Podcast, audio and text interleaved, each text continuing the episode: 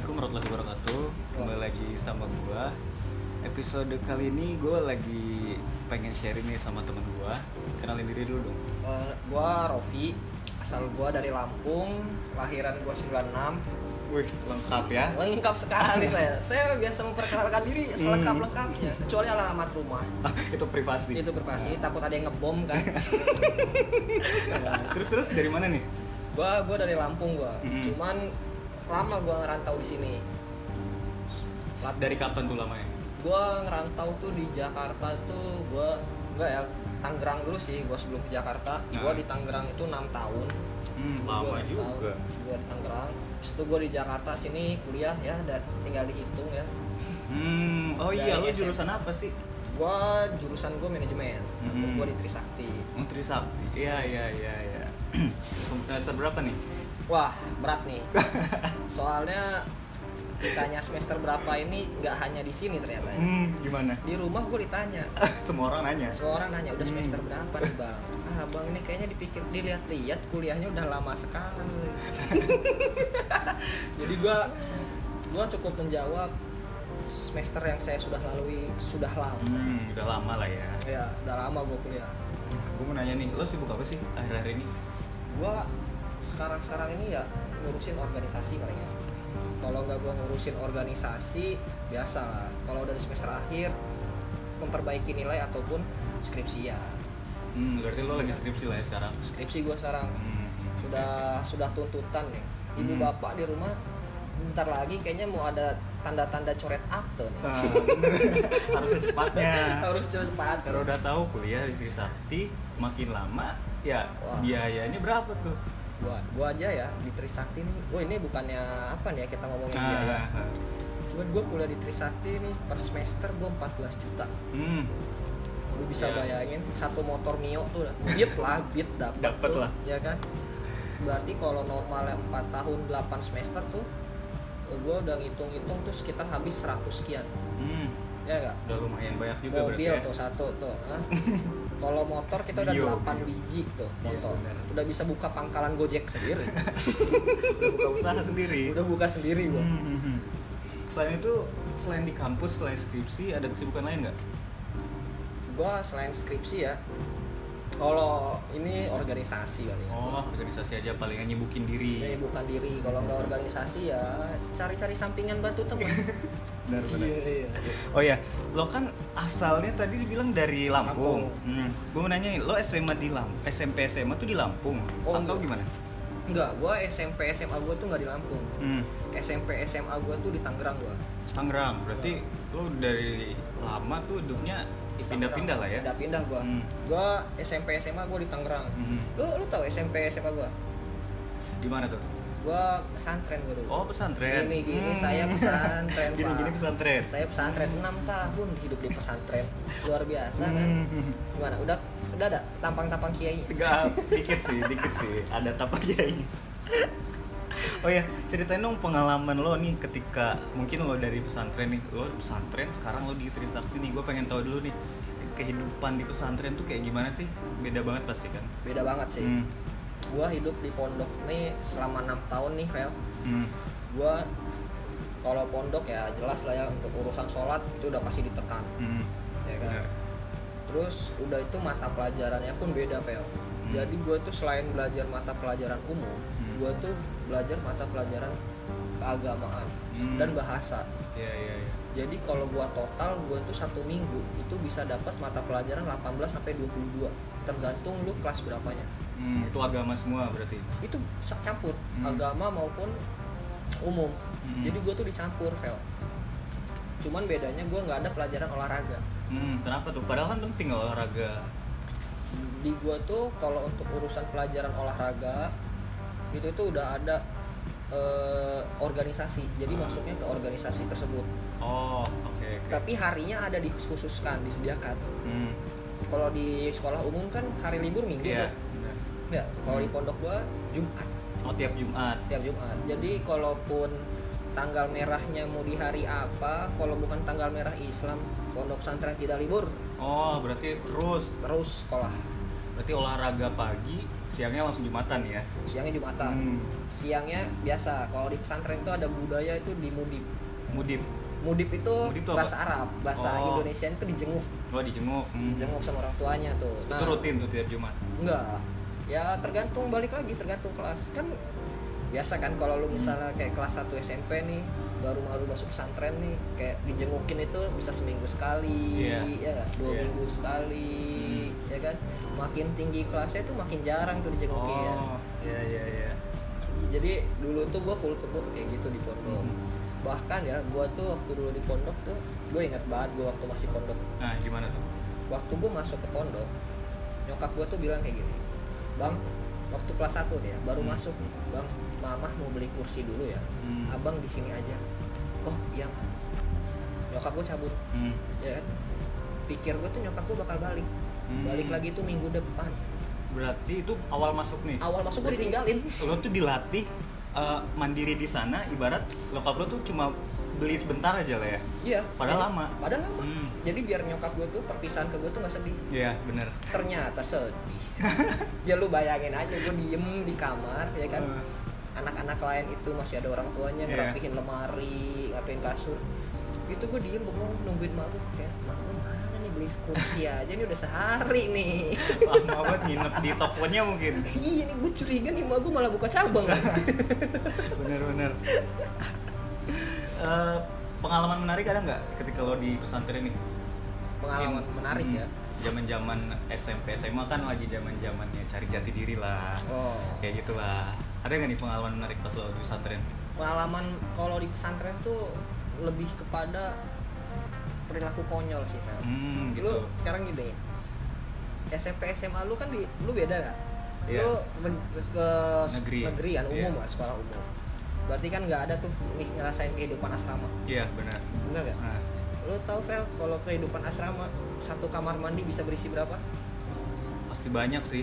Gua pernah mandi berdelapan Vel satu kamar mandi. Berdelapan Vel ukuran kamar mandinya nggak ukuran kamar mandi kecil ya. Ah. emang ukurannya besar. Hmm. cuman berdelapan Vel jadi itu kita ya yang mandi lah yang sikat gigi yang, Yang kencing yang lah. boker. Ya nyampur semua jadi satu, semua satu? Hmm. kalau ka- sekamar tuh berapa orang sih? Gua sekamar di pondok dulu 24 hmm. jadi kalau di pondok gue tuh ada anggota kamar ada ketua kamar. Nah Oh, ketua gitu. kamar tuh yang senior. Oh lo bukan ketua kamar nih? Enggak kalau gue pernah jadi ketua kamar. Waktu gue kelas kalau umumnya itu kelas 2 SMA hmm.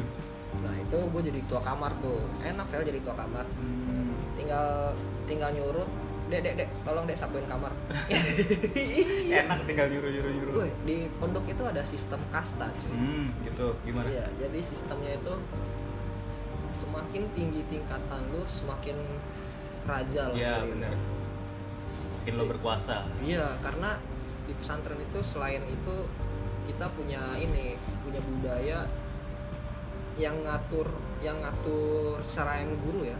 ah. Itu tuh kelas 3 SMA-nya. Hmm ya ya Jadi gue tuh dulu tuh di pondok tuh ada bagian-bagian hmm.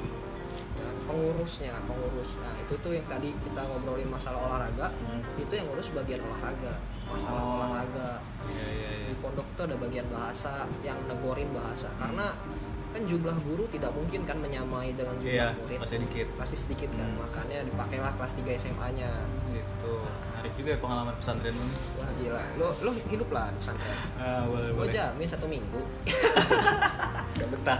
Iya Vel karena dari pola makan aja ya. Pola makan terjadwal. Oh terjadwal. Kayak Iya. militer lah. Lu jam 6 makan setengah 7 dapur tutup. Kita di Hmm. dapur kita nggak diantar. Oh gitu. Jadi lu datang bawa piring masing-masing kalau punya piring. Biasanya kalau nggak punya piring tuh lu makainya nampan. Kalau nggak tutup ember. Iya. Iya. Lu nampan tuh nampan buat nganter-nganterin itu nganter-nganterin kopi segala Ah. macam. Kalau nggak tutup ember. Yang penting itu alat bisa nampung nasi aja lah. Iya.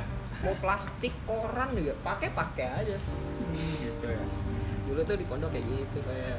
Wela, eh, semenjak lo masuk kuliah nih, kan pasti lingkungannya baru nih dari lingkungan pesantren yang mungkin dulu terjadwal segala macem. Sekarang lo di lingkungan yang baru, kuliah di tempat baru di ibu kota nih khususnya di Trisakti lagi. Ada pengalaman gak nih coba sharing dong? satu ya budaya yang bikin gua shock yang ketika gua masuk dari lingkungan yang berbeda Hmm.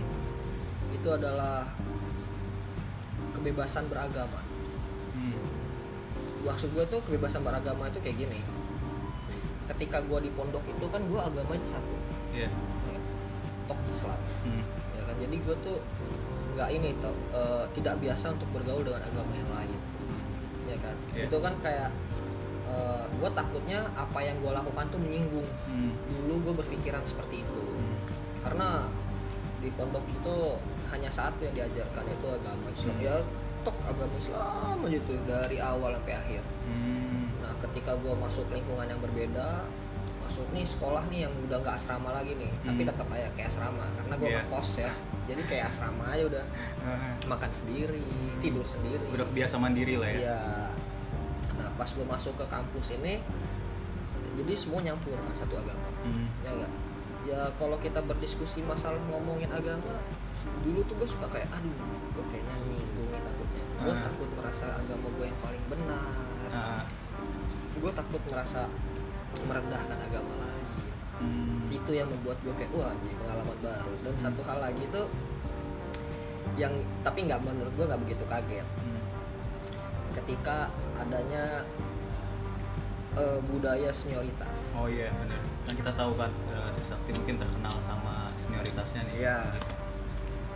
Budaya senioritas itu, tapi gue nggak kaget Hmm. Karena di pesantren juga senioritas. Hmm, udah biasa lah. Udah ada itu udah tidak dipungkiri lagi pesantren juga senioritas. Hmm. Cuma senioritasnya di pondok ya balik kenaungan ya, Hmm. ya kan.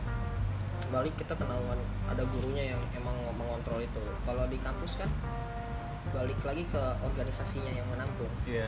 Ada wadahnya. Hmm. Ya, terus cara lo bisa adaptasi di lingkungan yang baru tuh gimana nih? Ya kan lo tahu nih Trisakti ya kayak gitulah ya. Terus sementara lo kan dari daerah, pasti kan berbeda juga nih kultur antara daerah lo sama daerah yang baru nih. Itu gimana sih cara lo bisa adaptasi dengan orang baru, lingkungan baru? gua gua beradaptasi dari lingkungan baru berat ya Hmm. nggak berat susah ya karena saya lulusan pondok pesantren Hmm.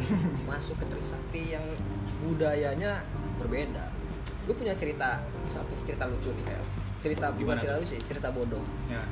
jadi dulu itu gue tuh pernah diajakin sama teman-teman gue buat nonton bioskop Hmm.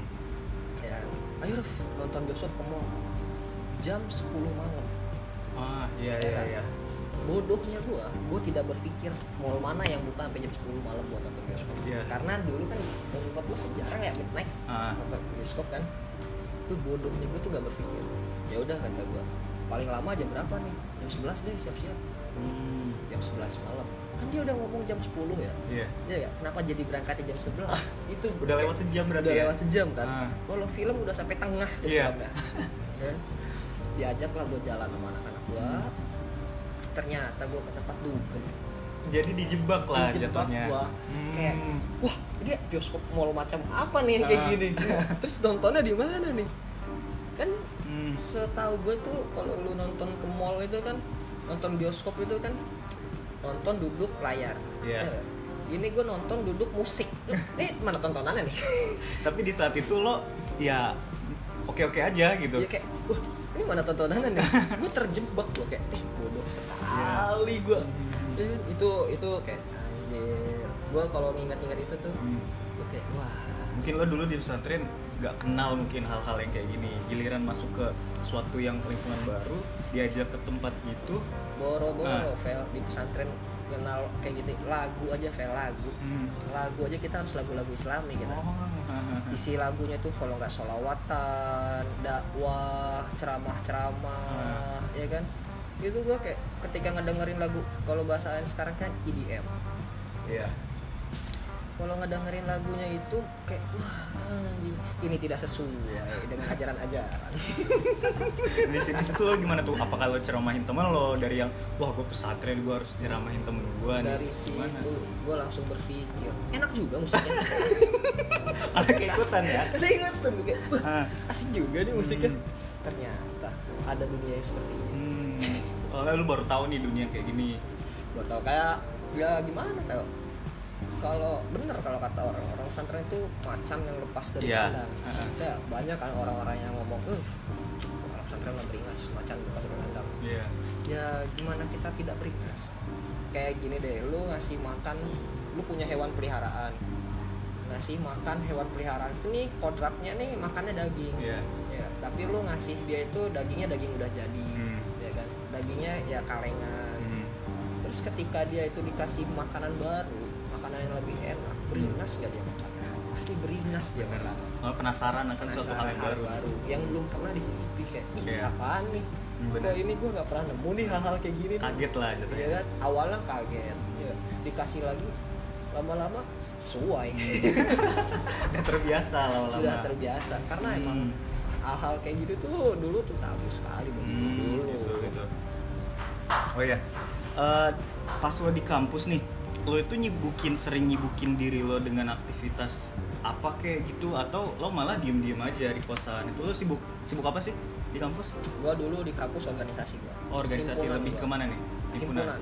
Gua dulu himpunan. Di himpunan itu lo masuk eh, karena kemauan lo itu atau atas dorongan siapa? Atau lo pengen nyari sesuatu hal yang baru yang lo nggak dapetin nih di tempat sebelumnya? oh kalau itu gua himpunan itu karena gua gemar SML berorganisasi Hmm. dari dulu gua waktu SMA walaupun gua pondok pesantren ya pondok pesantren juga punya organisasi Ah. ya, ya kalau di pondok emang organisasinya kayak pramuka organisasinya public speaking Iya. ada loh gitu-gitu loh pondok pesantren Hmm. tidak kuno tenang aja Mhm. ada ada public speaking terus ada juga tuh organisasi yang emang sosial Hmm. bergeraknya di bidang sosial Kayak apa tuh contohnya? dulu gue ada organisasi gue ala lupa agak lupa nih ya organisasi kalau singkatannya AR Ah. AR organisasi ini bergeraknya di bidang sosial jadi setiap kali kita liburan itu itu kita ngisi acara-acara sosial entah itu ke panti asuhan maupun eh, acara pengajian yang bersedekah lah Oh, iya, iya. bencana-bencana pun walau kita ngedenger kita juga dapat ya berita-berita itu walaupun hanya sebatas koran koran kalau kita sumber informasi itu koran nggak masuk tuh internet itu ke pondok Oh. jadi dibatasin telekomunikasi pun nggak HP Hmm. HP itu nggak kita kalau mau nelpon juga dulu di pondok tuh wartel anda, wartel. anda tidak pernah merasakan wartel. Hah? saya pernah merasakan wartel Oh, di sana ada ya? ada jadi pas ngangkat telepon baru mencet nomor udah deg-degan ini berapa nih biayanya nih Kalau kurang masukin lagi koin. enggak jadi sistem pakai koin. nggak pakai koin Hmm. Sis- sistemnya itu pas lu ngangkat telepon Ah. ya kan? Itu udah masuk tuh rupiahnya tuh berapa rupiah. Oh, iya iya. baru mencet klik klik klik klik klik udah seribu. Berarti itu harus ngomongnya cepet-cepet lah ya. iya ngomong Hmm. mah ini abang kurang ini ini ini, ini hari jumat mau dipin ya? Ya. Harus satu menit itu harus tersampaikan semuanya nih. kan iya karena dari telepon kalau kalau telepon ke nomor telepon mending masih biaya murah. Telepon ke handphone itu lumayan. Hmm, karena gue pernah sekali nelpon dua puluh ribu kayak. Wah, ini kalau biaya makan udah makan banyak iya kan jadi jajan gue bulanan Vel gue nggak Oh. mingguan Mhm. dan gue nggak punya ATM oh waktu dulu belum. nggak punya gue gue punya ATM itu setelah lulus SMA nggak masuk Oh. ATM di pondok gue dulu Hmm. jadi lu di, dijenguk itulah uang lu selama satu bulan ketika lu nanti dijenguk lagi berarti harus irit-irit lah. irit-irit Pas lo di organisasi nih, di himpunan lo, itu lo tuh eh, lo ngejabat sebagai apa sih di situ? Anggota atau apa sih? Gua dulu kalau di biasa ya kalau di Trisakti itu ada dua kali lu ngejabat Hmm. pertama itu di semester 3 dan semester 4 itu lu jadi OC Oh, C apa tuh? OC itu Organization Komite. Committee Oh iya. nah itu itu lu eh, anggota Hmm. jadinya sebatasnya anggota belum bisa lu menjabat sebagai ketua anggotanya belum tapi lu Hmm. masih anggota nah itu gua di bidang gua tuh dulu P3M Hmm. P3M itu bidang kemasyarakatan dengan dengan budaya yang dulu bermasyarakat jadi gue Oh, sekarang jadi awal masuk tuh lo langsung ditempatin di posisi itu. enggak gue nggak ditempatkan kalau itu memilih Oh, milih. sesuai dengan fashionnya masing-masing kan Hmm. nah gue milih itulah di Hmm. bidang itu Nah, itu tuh lo eh, berada di situ tuh berapa lama nih? satu tahun Satu dua tahun. semester kan Hmm. baru nanti lu naik lagi kalau lu mau kalau lu merasa cocok dan lu bisa dan lu nggak ada kesibukan ya karena Ah. kan organisasi ini kan kadang orang bentrok gue sibuk ini gue sibuk itu Iya. ya organisasinya terbengkalai kalau lu mau naik lagi itu nanti lu bisa jadi SC Oh, tapi lu ada naik-naik terus nih. Apa Naik. aja nih pengalaman lu di organisasi dulu itu? anggota P3M. Paling P3M. tinggi jadi apa nih? Gua ketua himpunan. Oh, sampai bisa sampai ketua himpunan nih. Ketua nah, himpunan gimana gua. tuh sih? Ceritain dong pengalaman lo dari yang awal masuk jadi anggota itu bermasyarakat tuh kan, sampai lo bisa jadi ketua himpunan nih. Gua Gimana cerita ketua himpunan gua sedikit lucu ya. Ah. Karena begini, awalnya gua tuh bukan ketua himpunan. Iya. Wah, eh, jadi ada pemilihan. Ah. Dulu tuh ada pemilihan siapa yang cocok untuk jadi ketua himpunan. Hmm. Calonnya ini baru ketuanya aja ya. Nah. Calonnya itu ada empat mencalonkan diri buat jadi ketua himpunan. Hmm. Gue masuk nih. Hmm. Ya, kan kalau ekonomi di Trisakti ini kebagi dua kampusnya. Ada yang di Grogol, ada yang di Cempaka Putih. Ya. Nah, kampanye lah kita. Hmm. Kampanye di Grogol sama kampanye di Cempaka Putih. Berarti kalau ekonomi tuh dua. Dua kampus, Iya. kita punya dua kampus. Kebanyakan mahasiswa. Hmm. Sekarang mau ada lagi nih di Sentul. Hmm. Berarti kalau misalkan yang sekarang menjabat harus kesentul nih ya. Ya, ke Sentul. Hmm. Jalan lah sana sana Hmm. ke Bogor tuh. Terus gimana tuh?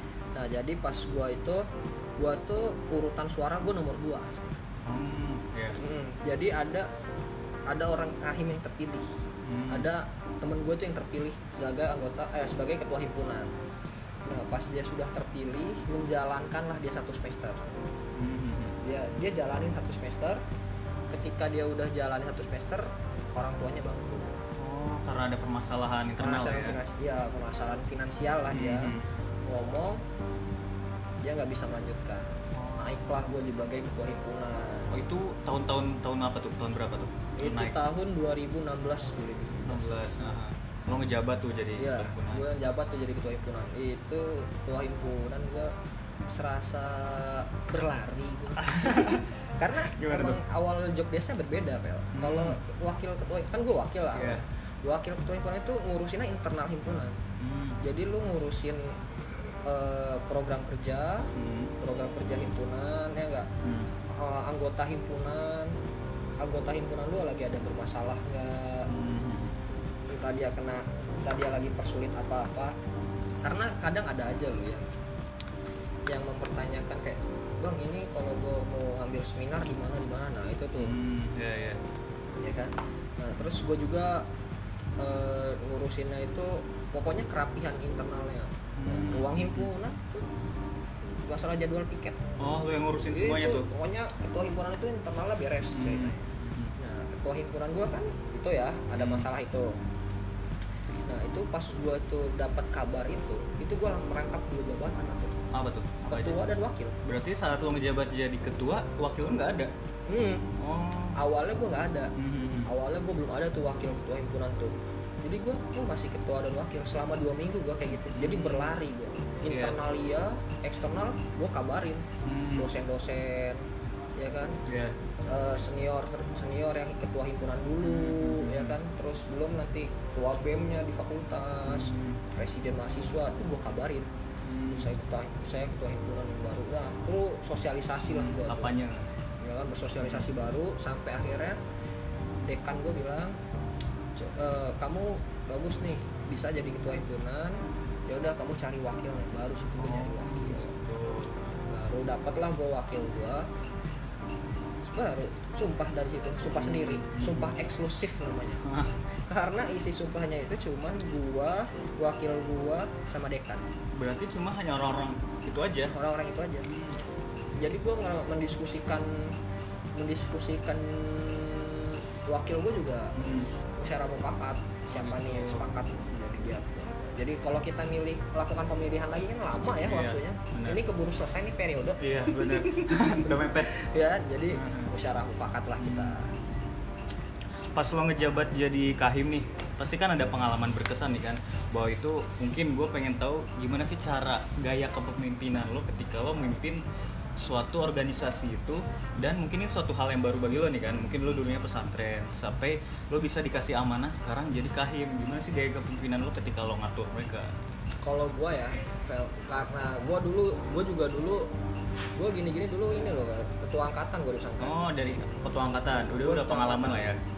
jadi gua berpikir ketika lu jadi pemimpin lu bakal hanya tiga hal yang dapat pasti lu dapatkan hmm, apa tuh ya ini di luar dari keuntungan ya Iya. di luar dari link koneksi Hmm. itu kan udah jelas dapat Hmm. ya kan ada tiga hal lagi yang pasti lu bisa dapatkan pertama tersakiti Hmm. dihianati lalu ditinggalkan Hmm, udah kayak kisah cinta tuh ya. wah ini sudah jelas sekali Iya, iya, karena iya. gini Pel yang namanya ngerjain organisasi itu nggak bisa lo ngerjain organisasi kayak kerja. Iya. ya nggak? Kalau lu kerja kan jelas Hmm. outputnya gaji.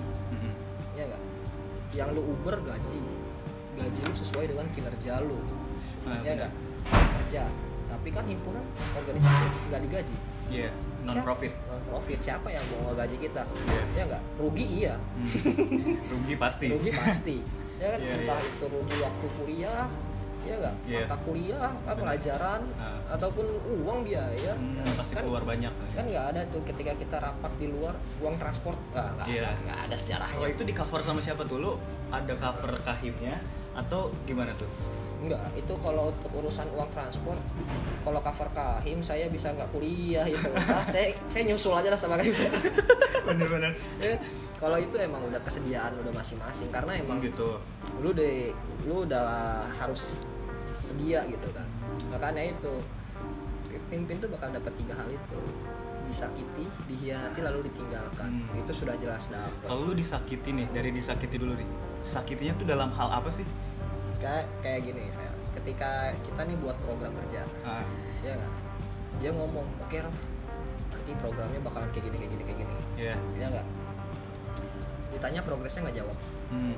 ya kan udah mendekati hari H baru ngomong Rof sorry Rof programnya jalan gagal Hmm. merasa terus kayak wah Bener. ya Bener nggak? bener. di situ itu udah include berserta dihianati loh Udah termasuk nih dapat Iya, itu dua poin. masuk dihianati Nah, ya kalau ditinggalkan jelas Kalau karena- ditinggalkan gimana? karena gini misalnya anggota anggota gue tuh dulu ya anggota himpunan gue tuh 40-an Ah, ya 6 40 sampai dengan 60 iya. yang bertahan 20 kan Oh, yang lainnya ke mana tuh? kuliah Hmm, berarti mereka nggak bisa nyimbangin antara organisasi sama kuliahnya. karena emang ya kita nggak organisasi itu nggak punya jam kerja Iya. pasti ya nggak? Handphone tuh harus tiap sedia. Hmm. kapan pun di mana pun handphonenya nyala ya entah itu kabar apa kabar apa. Saya kayak gue dulu pernah bikin acara program kerja waktu itu nama programnya economic fair. Hamin seminggu. Hamin seminggu nih. Ini program udah ada nih. Nah, program udah jalan terus hamin seminggu eh hamin enggak bukan hamin seminggu bahkan hamin tiga hari hmm. itu tuh te, ah, bukan tenda ya bahasanya ya apa hmm, stand stand stand stand stand buat jualan Oh, iya, boot boot lah. ya buat buat Hmm. buat jualan itu orangnya udah datang udah ngirim Hmm. ya kan dibayar Hmm. speaker datang sound system Iya. pas sound system datang uangnya habis Di abisnya karena apa tuh? karena eh, karena yang orang yang nyewa bootnya itu ada yang bayarnya di hari H Oh, iya iya iya. ya kan? kan itu kan disewakan kan boot itu ada yang bayar di hari H dan ada juga yang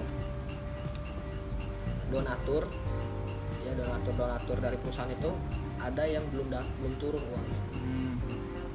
nah itu tuh gue ditelepon dapat kabar kayak gitu terus langsung ngomong kayak gitu "Prof, uangnya kurang kurang berapa? 8 juta. Wah, lumayan gede juga kalau bagi ukuran tiga hari Hmm. acaranya. Kan Iya, nggak iya. mungkin batal. Hmm. ya kan? Kayak wah gila 8 juta bro. Hmm. uang dari mana? Itu malam. Ya kan nggak kan nggak ada istilah kayak ya kalau misalnya jam kerjanya makin meningkat nanti uang uangnya bakal ditanggung kan enggak Iya. kan nggak kayak gitu kan. Gua gua bilang coba kontak anak-anak ada yang nggak bisa nalangin anak-anak udah nalangin Oh. jadi sebelumnya udah ada yang pakai uang Iya iya iya.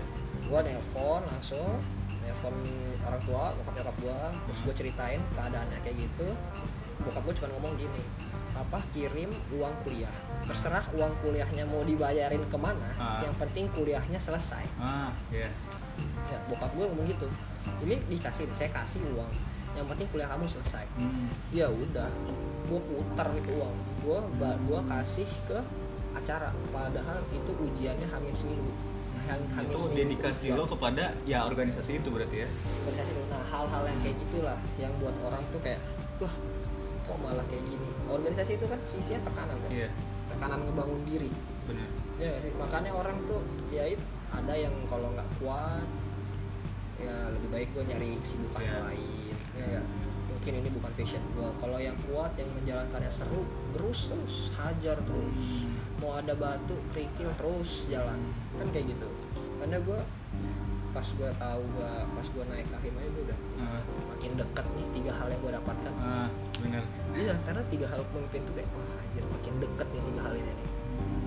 Ya ditambah lagi kan dulu senior gue pernah ngomong angkatan 2009 pernah ngomong kayak gini Prof kalau emang garis tangannya itu jadi pemimpin Ah. mau kayak gimana pun cobaannya mau kayak gimana pun jalan yang dihadapinnya dia bakal Hmm. jadi pemimpin Hmm, karena iya. udah garis tangannya jadi pemimpin Hmm. dulu gue ngeremehin kayak ya nggak lah bang nggak lah gue nggak jadi pemimpin organisasi itu waktu gue masih maba Hmm. ya masih baru masuk awal Iya. masuk gue tahun 2014 pas jadi gue langsung wow ternyata benar ya, iya Iya, ternyata iya. benar kayak wah gue aja nggak nyangka. Waktu gue pemilihan dulu kan ketua angkatan di pesantren dulu dipilih Iya, ya kan? Voting dari voting dari anak-anaknya. Anak-anak. itu gue dulu nggak ada film nyuruh nyuruh anak-anak gue cuman bergaul doang. Hmm. gaul. Nah itu tuh dulu disuruh berdiri Hmm. calon-calon ketua angkatannya. Itu anak-anak tuh ngomong ini calonnya udah ada nih. Ah, ada yang angkat tangan anak-anak angkatan gue ngomong gini tambahin dong calonnya. Siapa? Gue mau Rofi. Hmm. situ gue langsung nengok ya Allah yang benar aja. Ah, ini ini salah apa nih gue nih? Karena identiknya ketua itu tumbal. Iya. benar nggak? Ketua itu tumbal ketua itu ya yang disuruh-suruh. Gue kayak wah kenapa ya? Ah mungkin iseng doang pikir gue pikir gue tuh iseng doang. Hmm. Pas gue disuruh berdiri ketua angkat calon ketua angkatan yang ngadep belakang jadi Hmm. nggak ngadep ke anak-anaknya nih Hmm. calon ketua angkatannya yang ngadep belakang Hmm. pas udah ini kata ustadz gue ya ustadz guru gue guru Hmm. pembimbing angkatan gue ngomong yaudah kamu berdiri sekarang ini yang mau milih Hmm. habis itu duduk di depan orang yang mau kamu pilih Hmm. Iya, iya. ya kan berdiri lah mereka wow jalan-jalan kan milih jalan terus kasih kasih Hmm. itu dari isi itu ini, jangan milih gua jangan pas udah duduk semua ya udah sekarang calonnya ini udah sebelum ini ya Hmm. ini udah pasti ya Hmm. kalian siap sedia ya dipimpin oleh dia ya Hmm. ya jawab iya semua ya udah sekarang calonnya balik belakang dan inilah orang yang mendukung kamu 70% anak-anak kamu Ah, Tapi lu nggak nyangka banget nih. Gak waktu itu. nyangka gue, gue pemilihan gue pas gue di belakang nangis gue langsung Nangis Iya, gue, iya. kayak ya Allah kata gue Sedih gue 70% Fel Kan itu yang ketua angkatan sebelumnya Jadi di gue tuh setiap angkatan tuh pasti punya angkatan Eh ketua angkatan Mau itu lu dari kelas 1 SMP Kelas 2, kelas 3, kelas 4, kelas 5, kelas 6 Hmm. Itu lu punya ketua angkatan Ketua gitu. angkatan gue yang sebelumnya kelas 2 SMA Itu nyalon lagi buat jadi Oh. ketua angkatan Ah, ah, ah. kalah suaranya Ah. karena 70% gua Hmm. Jadi lu bisa bayangkan gitu orang-orang 70% terus sambil senyum ini orang ngerjain nih kayaknya. Ya gue situ nangis ya kan? Nangis terus disuruh Hmm. gimana lu waktu itu angkatan? Tapi gaya kepemimpinan lo pas lo lagi dihadapin suatu masalah nih kita lebih ngebahas ke gaya kepemimpinan lo di kampus nih ya lo jadi kahim ya. Nih gaya kepemimpinan lo ketika lo ngadepin suatu masalah di kampus tuh gimana sih lo ngadepinnya? Mungkin kita harus jadi pemimpin tuh yang harus lebih mewadahi anggota kan. Itu Ah. gimana tuh gaya gimana cara lo ngadepin ketika ada masalah-masalah selama jadi kahim kalau gua gua punya satu satu prinsip kalau ngadepin masalah. Prinsipnya itu gampang. Hah. jangan lari jalanin aja. Hidup ini bukan tentang berlari tapi tentang berjalan. Iya. Ya bener-bener. Iya? Keren gak tuh? iya jadi iya. jadi gua gua mencoba hadapi emang berat. Berat banget itu ngadapin itu ya karena masalah masalah nggak datang satu ya datang bertubi Hmm, bener ya kan? Itu benar tuh yang sedikit sedikit lama-lama jadi bukit. Hmm, karena kalau gua tumpuk itu bukit tuh masalahnya. Hmm, itu yang tadi itu sebelumnya masalah keuangan ya hmm. kalau gua berlari nggak gua jawab. Lama-lama ya makin gede buyar. Ya bahkan ada satu yang fail gagal pernah sekali masalah tentang eh, scoring Hmm. waktu itu jurusan lain bermasalah tapi semua perhimpunan kena Hmm. terus tanda tangan masalah scoring Hmm. kalau gue ngedon kalau misalkan gue dulu itu mikir wah gila nih gue kuliah malah di scoring Iya. ya gak orang tua gue di Lampung nyari duit Hmm. gue di sini malah scoring kan wah berat kan Hmm. Tapi gue ya udahlah Bismillah hadapin Hmm. Lu kayak udah gue jalanin aja karena menurut gue masalah organisasi masalah ini masalah organisasi ini ya Hmm. masih lingkupan organisasi itu masih kecil Hmm. Iya, iya.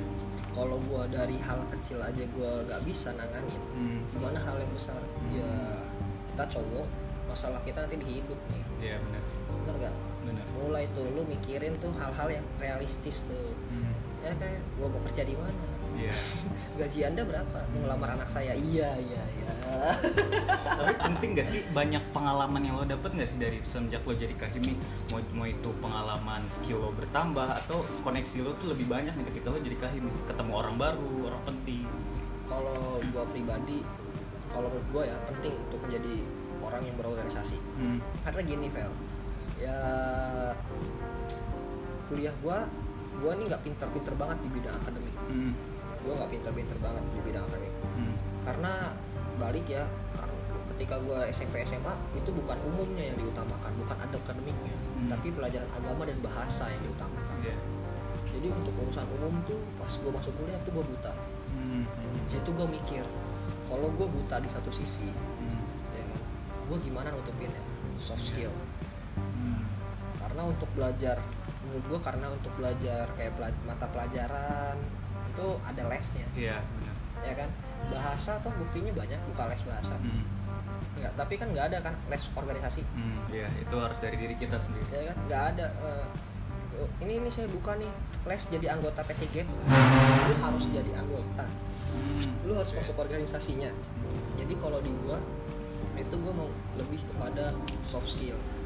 Terus gue pernah juga gue pernah buka YouTube Iya. YouTube-nya Panji Panji itu bilang kayak gini coba lu bayangkan semua orang itu pendidikannya sama Hmm. semua orang sama rata Hmm. terus hal apa yang menonjol yang membuat orang lain itu beda Hmm. ya kan ya semua orang sama semua orang sama ya kayak ini Trisakti jurusan manajemen jurusan manajemen di Trisakti di angkatan 2 2014 itu ada 248 lah 248 Iya, iya, orang 2014 berarti kan normalnya lulus 2018 Iya. ya kan di 2018 kalau lu udah lulus semua Hmm. berarti taruhlah yang lulus 100 orang aja Iya. satu kampus 100 orang lulus Hmm. ya nggak? belum hitung kampus-kampus lain Iya. ya nggak persaingannya kan ketat banget tuh Hmm. Terus apa yang membuat lu itu bisa berbeda dari orang-orang yang ribuan bahkan Iya. berbeda dari ribuan orang itu? Lu pasti harus punya nilai. Nah kalau gue ngambil nilainya di soft skill. Soft skillnya berupa organisasi, Organisasi. berupa keorganisasian. Ya bebas ya untuk soft skill nih entah lu punya keahlian. Karena sekarang kita karena di dunia eh, di era sekarang ya ah, kan sekarang kan udah mulai di era digital Iya. ya nggak? 4.0 poin oh. Lu mau lu nggak perlu pendidikan banget gede-gede tinggi-tinggi lu buka YouTube buka buat vlog Hmm. taruh YouTube juga bisa naik dapat Iya, duit bener ya nggak bisa kayak gitu mah bisa cuman sekarang kan sekarang kan kalau lu lulusan S1 mikirnya beda konten lu nih ke mana arahnya Iya. ya nggak? lu mensegmentasikannya ke mana Hmm. Ya, itu pun kalau lu buka usaha udah pikirannya udah usaha gue nih buat siapa Hmm. karena kita ketemunya di lingkungan yang baru Vel di Gitu. kampus ini Hmm. gue nih ya dulu waktu gue maba gue pernah diginiin sama senior gue waktu itu ngomongin masalah bedanya siswa dan mahasiswa Iya. ya bedanya siswa dan mahasiswa apa sih bedanya siswa dan mahasiswa? Kalau menurut lu sendiri Vel bedanya siswa dan mahasiswa? Menurut Ya, ini, ya- ini gue sorry nih jadi balik nanya. Menurut gue nih ya kalau dari pandangan gue siswa tuh ya dia lebih belajar gitu. Lebih kayak masa-masa zaman sekolah gitu kan. Kalau misalkan mahasiswa di mana lu udah jadi seorang yang maha lebih dari siswa kayak zaman sekolah gitu. Lu udah di tingkat lanjut udah jadi seorang maha ya lu udah naik level lah istilahnya. Ke- nih itu itu nggak salah. Itu kurang tepat Hmm. sedikit lagi. Karena kalau kita ngomongin kita kalau kita kalau ngobrol sama orang terus kita bilang itu salah nanti orang itu nggak mau mikir. Iya benar. Bener nggak? Nggak mau mikir lu kira gua lah udah salah. Ya tapi Iya. kalau kita jawab kurang tepat pasti bakal mikir lagi. mikir lagi ya. Itu saran buat para guru. Berarti menurut lu nih apa nih siswa dan mahasiswa perbedaannya? Kalau kita buka KBBI Mm-mm. kita ngomongnya secara data nih KBBI siswa itu adalah orang yang sedang menempuh pendidikan Mm-mm. ya siswa kenapa dia menempuh pendidikan karena dia masih bodoh Mm-mm. ya nggak? siswa itu berarti orang yang bodoh Iya. ya nggak?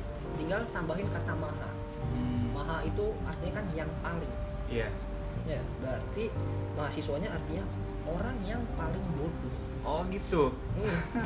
ini belum selesai takutnya salah tangkap nanti salah. jadi kesesatan berpikir kenapa mahasiswa itu disebutnya orang yang paling bodoh dibandingkan siswa dalam satu universitas kira-kira yang masuk dulunya satu SMA apa enggak Enggak sih. Pasti kita berkumpul dari semuanya sih. ya? Hmm.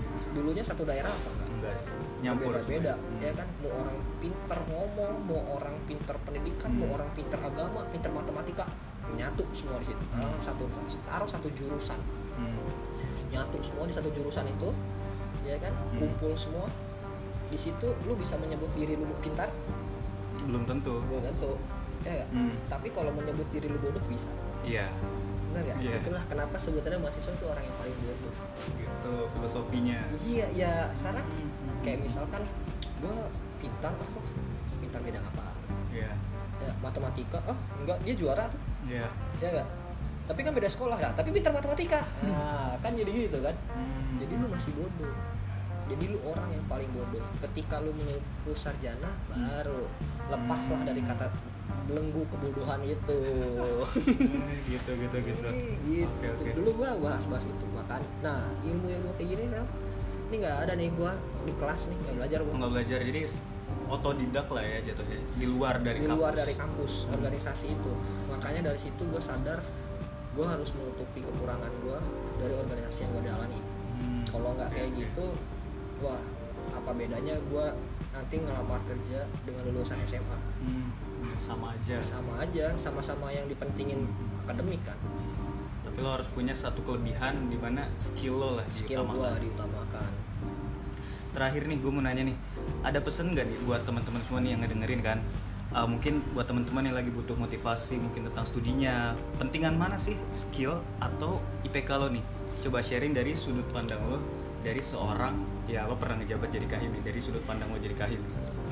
Kalau gue nih ya buat orang-orang nih pentingan mana antara IPK sama organisasi skill gue apa skill masing-masing? Nah, dua hal itu nggak bisa lepas. Hmm, ya? Dua hal itu nggak bisa lepas antara lu IPK lu nilai dan juga skill lo lu berorganisasi. Cuma jatuhnya jadi kayak gini Vel. Kalau lu ngelepasin kalau lu ngelepasin nilai lu sama aja bohong ngapain sekolah? Hmm, ya kalau hanya meninggikan organisasi karena mau tidak mau IPK itu juga jadi pintu gerbang ya. Iya. IPK itu jadi pintu gerbang. Cuma kalau lu cuman ber eh, cuman lu kuliah doang organisasinya lu tinggalkan Hmm. apa bedanya lu dengan tadi seribu orang pesaing Iya. itu yang mementingkan hanya sebatas itu jadi Hmm. dua hal itu nggak terlepaskan asalkan satu lu bisa mengimbanginya hmm, hebatnya orang organisatoris hebatnya organisatoris itu nggak boleh meninggalkan IPK dan organisasinya harus seimbang berarti harus seimbang ya karena sekarang untuk menjadi seorang ketua himpunan aja ada minimal IPK ya Iya. ya nggak? Berarti nggak bisa dong lu meninggalkan itu. Soalnya takutnya dicap wah ini kok bisa jadi kahim sementara IPK-nya ya standar standar Ya, aja IPK-nya standar-standar aja kan nggak mungkin. Iya. IPK lu harus tinggi. Terus juga kayak lu mau mau menjalonkan diri lu sebagai seorang ketua himpunan tapi nggak berorganisasi gimana? Iya. Tahu apa lu tentang organisasi? Hmm, Iya. benar-benar. Jadi itu dua hal itu nggak bisa terlepas. Tapi lu bisa ngukur hmm, lu bisa di lu bisa ngukur. Ukurnya itu ketika gua udah nggak bisa nih di akademik gua. Ah, akademik gua udah mentok nih. Hmm. kan kalau kalau orang zaman sekarang kalau nilai jelek dikit ini ada dua nilai ada dua nih mata pelajaran. Misalnya kesenian dan matematika. Matematika jelek nih. Ya yang dilesin yang mana? Ya harusnya sih yang lo lebihnya di mana gitu? Harusnya. Harusnya. cuman kan orang sekarang kan kalau yang jelek dulu yang Iya. Yang jelek dulu yang dibenerin. Hmm. biar sama sama mat- sama seninya itu. Itu salah satu contoh yang salah maksudnya. Itu salah. Karena kalau misalkan lu membaguskan yang jelek terus lu tidak memperhatikan kelebihan lu iya. kelebihan lu luntur. Hmm, ya nggak? Benar. makanya kalau lu lu harus bisa ngukur nih ini emang akademik gue jelek nih ya tapi organisasi gue bagus. Hmm, kalau gitu push di organisasi. Tonjolin kelebihan lo. Tonjolin kelebihan lu dengan tanda kutip lu tidak meninggalkan itu karena Iya. lulus juga penting. Iya. Ya. Cuma lebih perbanyaklah di itu. Balik lagi kayak ngeles. Iya. Ya kan? Les itu kan memperbaiki kan? Hmm, memperbaiki kekurangan lu. Hmm. diperbanyak kan? Hmm, tapi mata pelajaran lain lu belajar. Iya. Ya nggak? Bedanya lu les. Sama organisasi pun seperti itu. Bedanya lu memperbanyak lu di kegiatan-kegiatan lu. Sekarang ini loh kalau kalau orang kerja sekarang ya bukan hanya mentingin nilai loh. Hmm, jadi mah dapat dengar-dengar kabar Ah. aja. Men- eh, mementingkan cara ngomong. Karena gue juga baru tahu cara ngomong sekarang itu di sangat sangat diperhatikan. Iya. Bukti dari cara ngomong itu sangat diperhatikan sekarang ada kan tempat les public speaking. Iya benar. Ya nggak? Public speaking kita orang Indonesia ngomong belajar ngomong Indonesia. Gimana coba itu? Ada tuh buku judul bukunya itu bicara itu ada iya. Seninya benar. Nggak, kita orang Indonesia. Tapi Jadi- diajarin malah tapi ngomong. diajarin ngomong iya. Mana yang nulis bukunya tuh nggak tahu siapa itu. Benar benar Iya kan? Mhm. guru besar bahasa Indonesia bukan. Benar benar ya jadi kayak berarti hal-hal ini jadi penting sekarang berarti yang penting tuh ya tonjolin skill lo. Fashion lu. Passion kita di mana? Oh. tanpa kita ninggalin kewajiban kita. Ya kayak sekarang orang kan balik lagi ya kalau mau kita usaha kan man- lihat-lihat peluang. Iya. Ya nggak? Siapa sih yang bakalan mengira orang eh, main game aja bisa dapat uang? Iya. Ya nggak? orang dulu siapa sih yang mengira main game doang lu bisa dapat uang? Ah, ya kan? Hmm. lu main game doang dapat uang. Sekarang jangankan dapat uang di pos jadi juara. Nah itu kejuaraan kejuaraan e-sport. Nah Ya, iya. itu kan kerjanya main game. Hmm, ya nggak? Kerjanya tiap hari main game ya. Ditanya rumus matematika juga nggak tahu dia. Karena gua kan main PUBG nih. Hmm, nggak pernah gua ngedenger tuh di di tim main sama orang orang asing ya. Ah, saya orang nggak kenal gitu Hmm. main. Bro bro kalau nembaknya tuh sudutnya 35 derajat nggak pernah. Oke terus fisik aja dong. Nggak Nggak pernah gue denger ya kan? Hmm. Dia nembak nembak aja yang penting kena kepala. Ah, Ya, iya. itu kan masuk skill tuh. Hmm, skill. Ya dapat uang. Passionnya. Jadi balik ke passion lu. Jangan jangan terbelenggu. Kalau gue pernah sekali ada junior gue ngomong bukan ya passion gue passion gue organisasi bang. Cuma Ah. orang tua gue tidak memperbolehkan gue Hmm, ya nggak? karena mindsetnya ketika kuliah ini kelar cepat lu bisa dapat uang. Hmm, salah itu kerja. sebenarnya ya. Nggak bisa kayak gitu. Hmm, gue nggak bisa bilang itu salah sih cuman kita harus meluruskan itu. Hmm. itu bengkok gitu nggak salah. Belok gitu. Karena sekarang kalau misalkan lu hanya memfokuskan diri lu kepada akademi Hmm. lu hanya memfokuskan diri lu belajar ngerjain tugas segala macem kapan waktu lu bersosialisasi? Iya. Ya nggak? kapan waktu lu ngembangin potensi diri lu? Hmm, ya jelas anak tadi orang tadi itu junior tadi itu Nah. potensinya berorganisasi kan? Iya. Kalau ditinggalkan kayak gitu kapan dia mau ngembangin potensinya? Lu cuma ngomong kayak gini bilang ke orang tua lu kalau lu itu punya potensi di sini Ah, lalu tunjukkan bakat potensi lu dengan cara apa? Ikut ke organisasinya. Bilang nih pak ma aku di organisasi buat ini loh. Hmm, bukan untuk masalah nilainya nih pak ma nilai aku tetap segini kok. Tapi aku punya kelebihan di sini. Hmm, jadi tunjukin bahwasannya lu punya potensi biar buatlah orang tua lu tuh mengerti. Karena nggak mungkin kan lu betak-betak orang tua ya sebagaimanapun sebesar apa pun gaji Iya. lu yang lu punya nanti nggak bisa lu balas utang lu ke orang tua nggak bisa. Iya benar jadi lu harus bicara baik-baik buat orang tua lu tuh mengerti. Karena nggak jauh-jauh ya orang tua tuh kan takut. Iya. Anaknya malah Iya, acau malah apa. Tunjukin bahwa lu tuh berdisiplin bahwasanya lu tuh berangkat itu benar. Gitu saudara HP menarik juga ya kita obrolan kita malam ini panjang lebar nih dari perbincangan ex kahim nih. Banyak banget sih pengalaman lo mungkin ada lagi nggak yang penting nih sebelum kita selesai dari perbincangan malam ini yang menurut lo ya merubah lo sampai saat ini banget nih terakhir banget nih mungkin.